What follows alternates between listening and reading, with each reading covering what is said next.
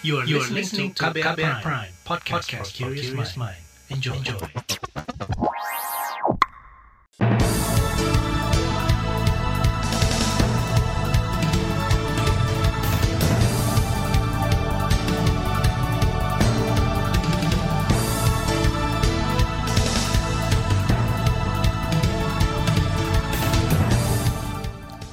Selamat pagi saudara, senang sekali kami bisa menjumpai Anda kembali melalui program Buletin Pagi edisi Kamis 27 Oktober 2022.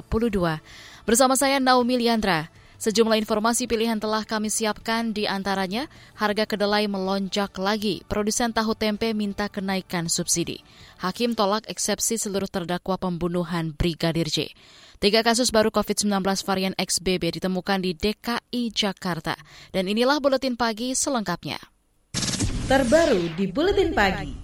Saudara, pemerintah mengklaim stok kedelai aman untuk tiga bulan ke depan. Deputi Satu Bidang Ketersediaan dan Stabilisasi Badan Pangan Nasional Bapanas, Igusti Ketut Astawa menjelaskan, stok kedelai nasional surplus 54 ribuan ton hingga akhir tahun.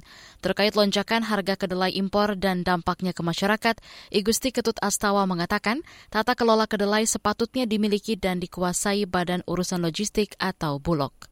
Kalau sekarang kedelai harganya mungkin di lapangan sudah 14 ribu. Padahal dulu kemarin nggak sampai segitu. Ini harus kita jaga dan kita tidak boleh biarkan. Oleh karena itu ke depan kita berharap juga Bulog bisa menata kembali, mengendalikan kembali dan bila perlu mengimpor kembali. Ada ke kekuatan mengimpor. Di samping saya termasuk orang yang ingin mengutamakan produk dalam negeri, maka pada kesempatan ini juga mendorong teman-teman pertanian agar juga memperkuat bagaimana produksi kedelai kita bisa kita tingkatkan. Deputi Satu Bidang Ketersediaan dan Stabilisasi Badan Pangan Nasional, Igusti Ketut Astawa juga meminta para perajin tahu dan tempe tidak panik terkait stok kedelai.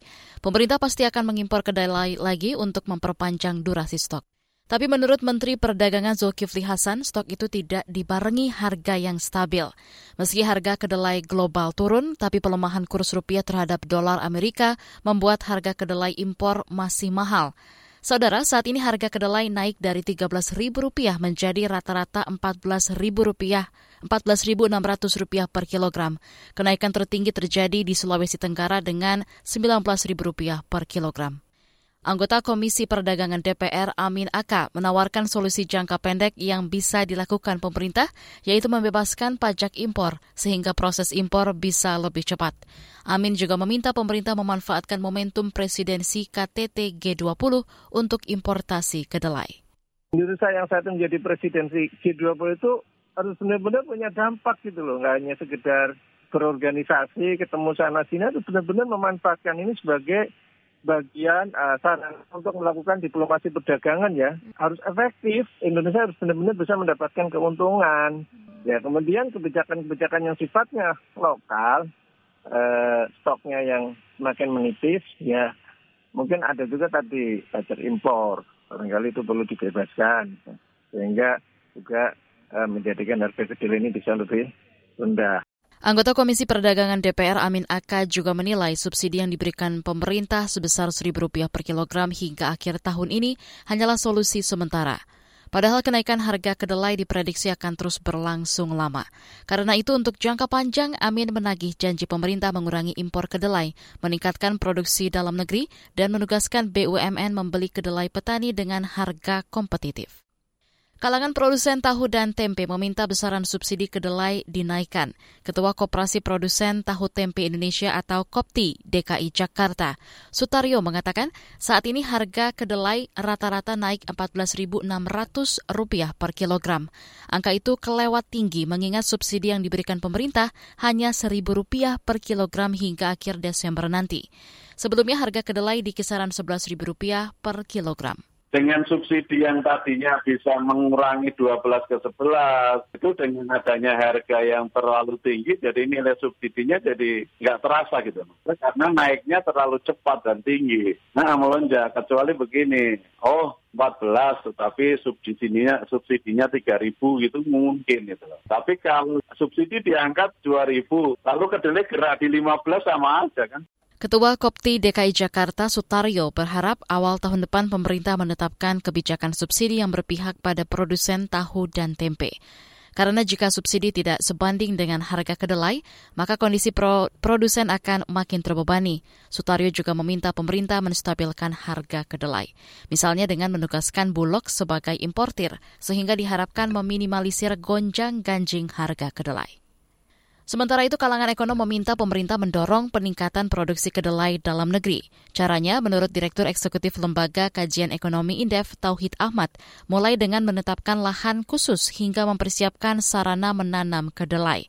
Untuk jangka pendek, Tauhid mendesak pemerintah mencari negara eksportir kedelai lain selain Amerika Serikat eh, harga kedelai naik 30 persen begitu terus Amerika inflasi tinggi ya otomatis kan harganya tinggi karena itu kita bisa mengalihkan ke negara-negara lain gitu ya mungkin tidak hanya dari Amerika atau Kanada tapi juga dari negara-negara lain lah Australia atau dari mana yang lebih dekat dan tidak terganggu dengan situasi ini begitu. Nah jadi dan uh, pemerintah harusnya punya cadangan uh, lebih besar yang disediakan oleh swasta. Jadi uh, realisasi impornya ditambah begitu sehingga cadangan di tingkat uh, pelaku bisnisnya bisa lebih baik.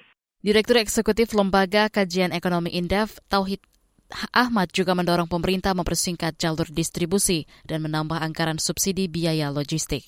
Tauhid juga menyarankan pemerintah mengembangkan benih dan bibit lokal dengan produktivitas tinggi supaya bisa menghasilkan kedelai lebih banyak di dalam negeri. Nasdem sebut AHY calon kuat wakil presiden mendampingi Anies Baswedan. Informasinya akan hadir sesaat lagi. Tetaplah di Buletin Pagi KBR. You're listening to KBR Pride, podcast for curious mind. Enjoy!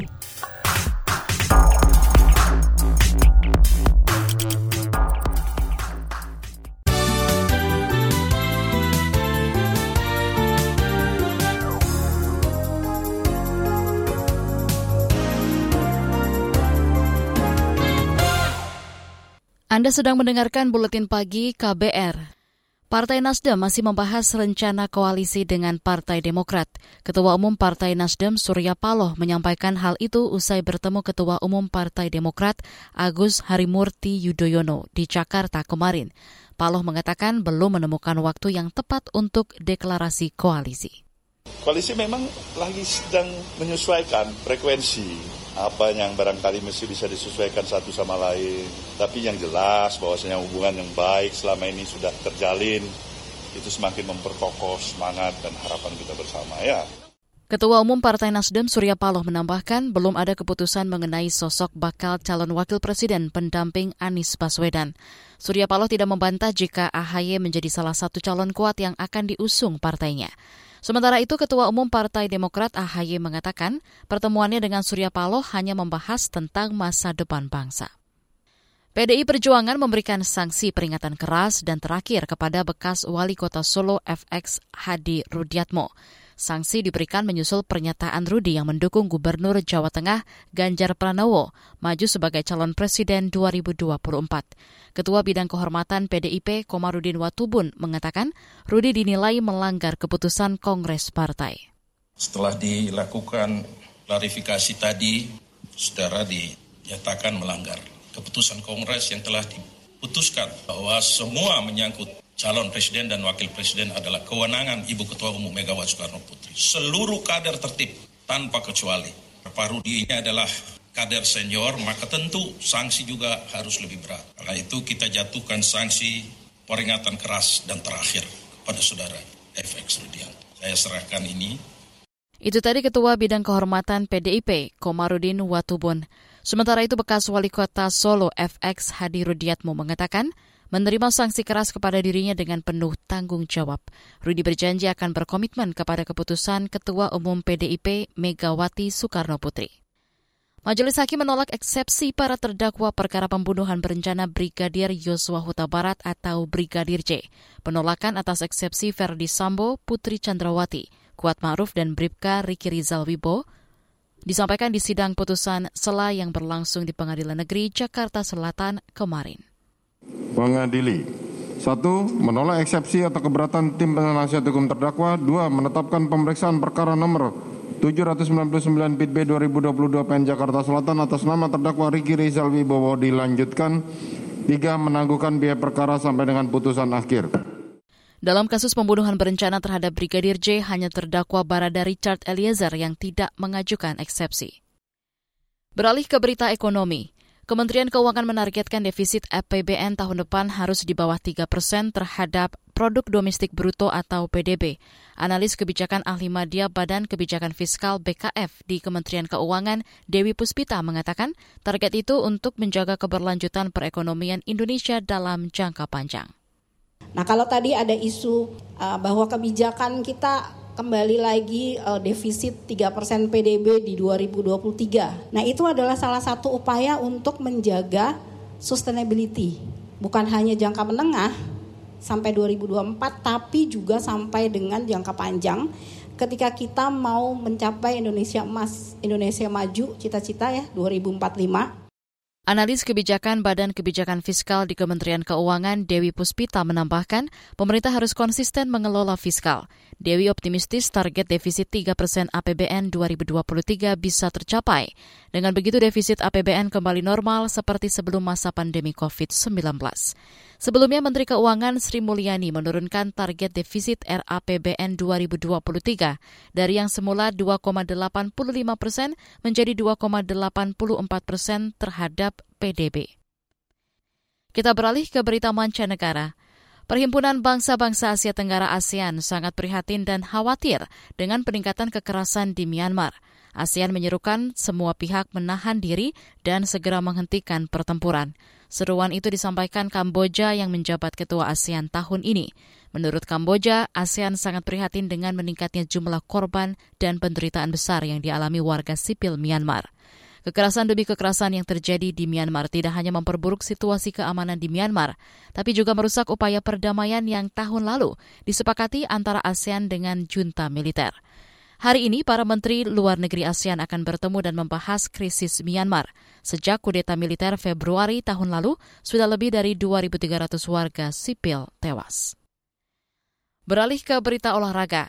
Dari Perancis terbuka, pebulu tangkis Cesar Hiren Rustavito lolos ke babak 16 besar setelah mengalahkan pemain Malaysia Lee Sijia. Di sektor tunggal putra, Anthony Sinisuka Ginting kalah rubber set melawan Samir Verma asal India. Di ganda putra, Fajar Alfian Muhammad Rian Ardianto berhasil menaklukkan unggulan India Arjun Dhruv Kapila.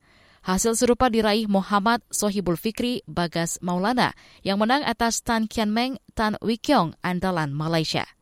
Sementara The Minions, Marcus Fernaldi Gideon, Kevin Sanjaya Sukamulyo kalah menghadapi Lu Qingyao Yang Pohan dari Taiwan.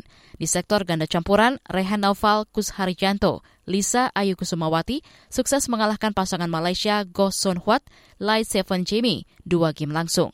Masih di ganda campuran, Rino Frivaldi, Pita Haningtyas Mentari menang atas Kim Won Hu, Jong Nayeon dari Korea Selatan.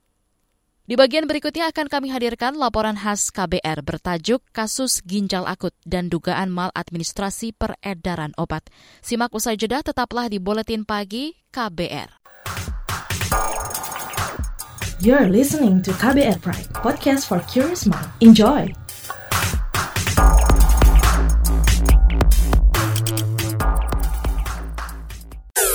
Commercial break.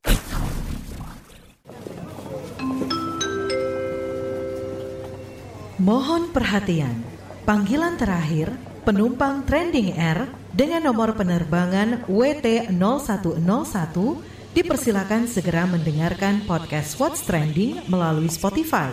Karena podcast What's Trending sekarang ada di playlist teman perjalananmu. Selamat menikmati. Terima kasih.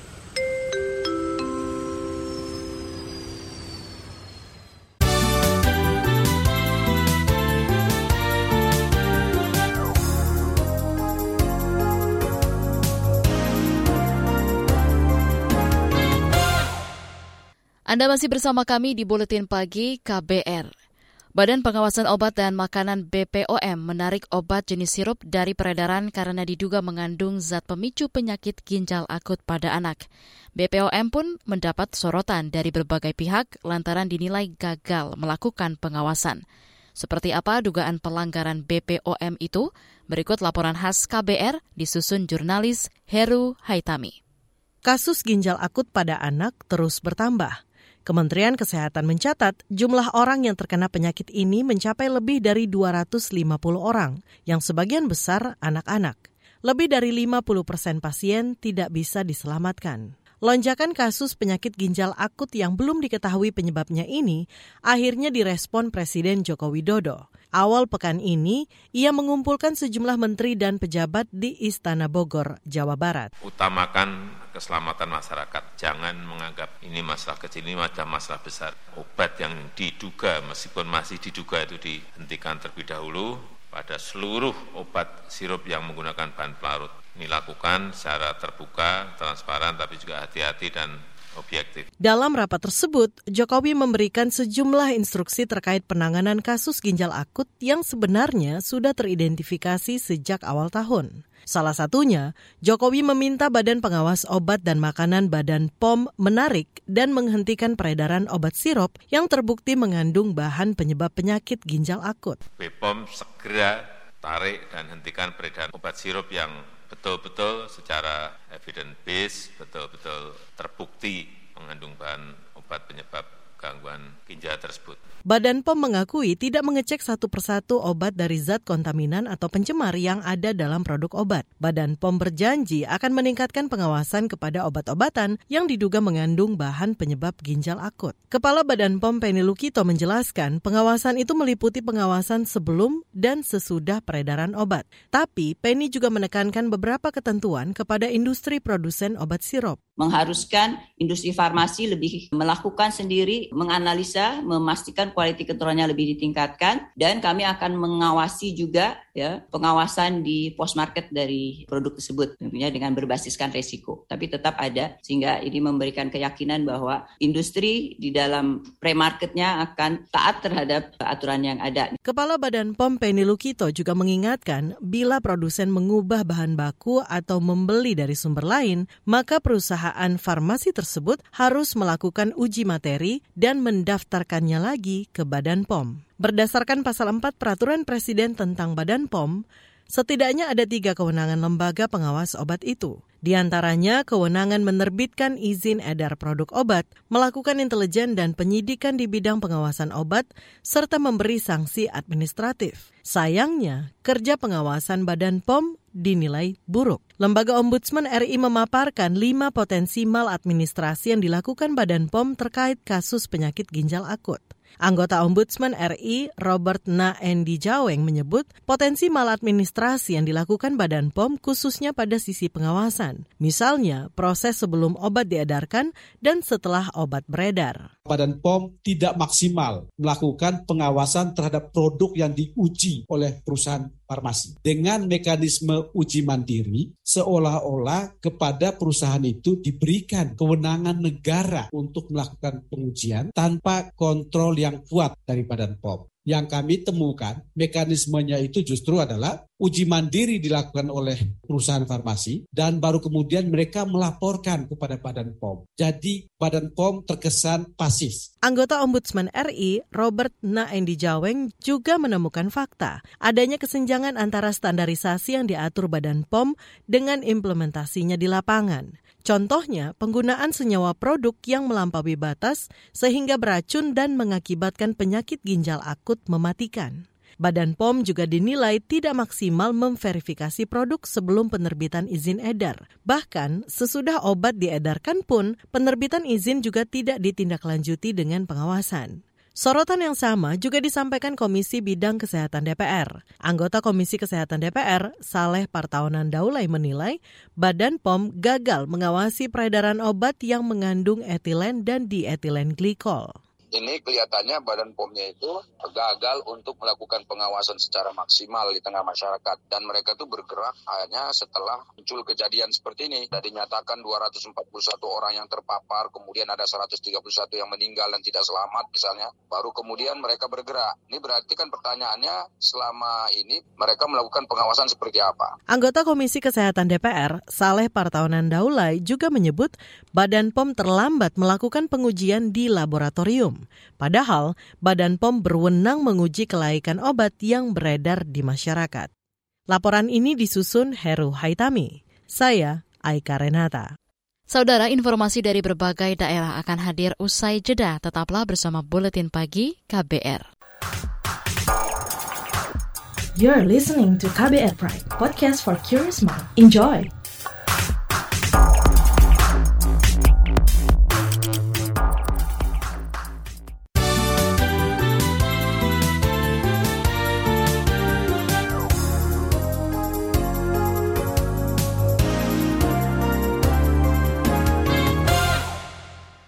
Inilah bagian akhir buletin KBR. Pemerintah mencatat tiga kasus tambahan varian Omikron XBB. Juru bicara Kementerian Kesehatan Muhammad Syahril mengatakan tiga kasus baru itu berasal dari Jakarta. Namun semuanya kini sudah dinyatakan sembuh. Nah di Indonesia hingga Selasa 25 Oktober kemarin tercatat penambahan tiga kasus ya XBB di Indonesia tiganya merupakan transmisi lokal. Sebelumnya ada satu dari Jawa Timur atau Surabaya ya. Gejalanya ringan ya, batuk dan pilek. Dan saat ini berarti kita di Indonesia ada empat kasus konfirmasi ya. Tapi semuanya sudah sembuh dan eh, kemarin melalui eh, isolasi mandiri ya, tidak ada yang dirawat. Kementerian Kesehatan mencatat terjadi lonjakan kasus COVID-19 secara nasional. Kemarin jumlah kasus baru COVID-19 bertambah 3.048 kasus dan pasien meninggal bertambah 24 jiwa. DKI Jakarta menyumbang kasus baru terbanyak 1.088 kasus, disusul Jawa Barat dan Jawa Timur. DKI Jakarta menyumbang penemuan angka penyakit ginjal akut terbanyak. Kepala Dinas Kesehatan DKI Jakarta Widya Stuti mencatat hingga Selasa 25 Oktober ada 90 kasus yang ditemukan sejak Januari. Kalau melihat tren yang kami dapatkan dari data rumah sakit tadi, eh, peningkatan yang sangat signifikan itu terjadi di bulan Agustus, September, dan Oktober. Jadi eh, pada saat bulan Januari, Februari, Maret, April itu 1, 2, 3 lah. Tapi begitu di bulan eh, Agustus itu langsung lebih dari 10 angka pertama yang bisa kita deteksi yang melaporkan. Itu tadi Kepala Dinas Kesehatan DKI Jakarta Widya Stuti. Sementara itu Dinas Kesehatan Jawa Barat menyatakan jumlah pasien penyakit ginjal akut di Jawa Barat sebanyak 41 orang dan 16 di antaranya meninggal. Sedangkan Dinas Kesehatan Jawa Tengah menyebut dua dari lima pasien penyakit ginjal akut di Rumah Sakit Sarjito Yogyakarta dilaporkan meninggal. Terbentuknya empat rangkaian bibit siklon tropis di Samudra Pasifik mengakibatkan Provinsi Jawa Barat masih akan diguyur hujan sepanjang bulan ini. Peneliti klimatologi dari Pusat Riset Iklim dan Atmosfer BRIN, Erma Yuliastin, menjelaskan, hujan juga dipicu sejumlah lokasi yang menjadi hotspot hujan atau titik permulaan terbentuknya hujan. Kemudian kalau kita lihat dari anginnya gitu ya, dari sistem badai ini muncul divergensi angin. Jadi angin-angin yang keluar dari hujan ini yang bisa mem membangkitkan atau terbentuknya awan awan-awan konvektif baru. Jadi dari hujan yang meluruh begitu ya. Divergensi angin juga ter terlihat dan artinya apa? Artinya ini telah terbentuk satu sistem sel badai ya. Peneliti klimatologi dari Pusat Riset Iklim dan Atmosfer BRIN, Erma Yuli Hastin menjelaskan, hotspot hujan atau titik permulaan hujan terbentuk ada di Gunung Salak, Gunung Gede Pangrango, Gunung Burangrang, dan Gunung Tangkuban Perahu. Gunung Salak dan Gede Pangrango misalnya menjadi hotspot hujan yang kemudian mengarah ke utara atau wilayah Bogor, Sukabumi, dan Cianjur. Juru bicara Polda Metro Jaya Endra Zulpan mengungkapkan perempuan berpistol yang mencoba menerobos ke Istana Negara Jakarta selasa lalu sebagai tersangka. Siti Alina dijerat pasal penguasaan senjata api secara ilegal.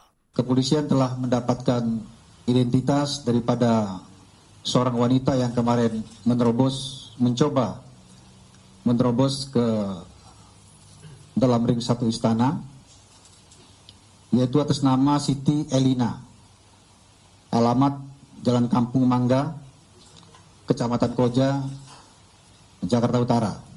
Juru bicara Polda Metro Jaya Endra Zulpan mengungkapkan Siti Alina terindikasi terhubung dengan kelompok radikal. Dari hasil pemeriksaan, ia diketahui sudah tiga kali bolak-balik ke Istana Negara. Motifnya untuk bertemu Presiden Joko Widodo dan menyampaikan soal ideologi bangsa. Informasi tadi menutup jumpa kita di Buletin Pagi hari ini. Pantau juga informasi terbaru melalui kabar baru situs kbr.id, Twitter kami di akun @beritaKBR, serta podcast di alamat kbrprime.id. Akhirnya saya, Naomi Liandra, bersama tim yang bertugas undur diri. Salam.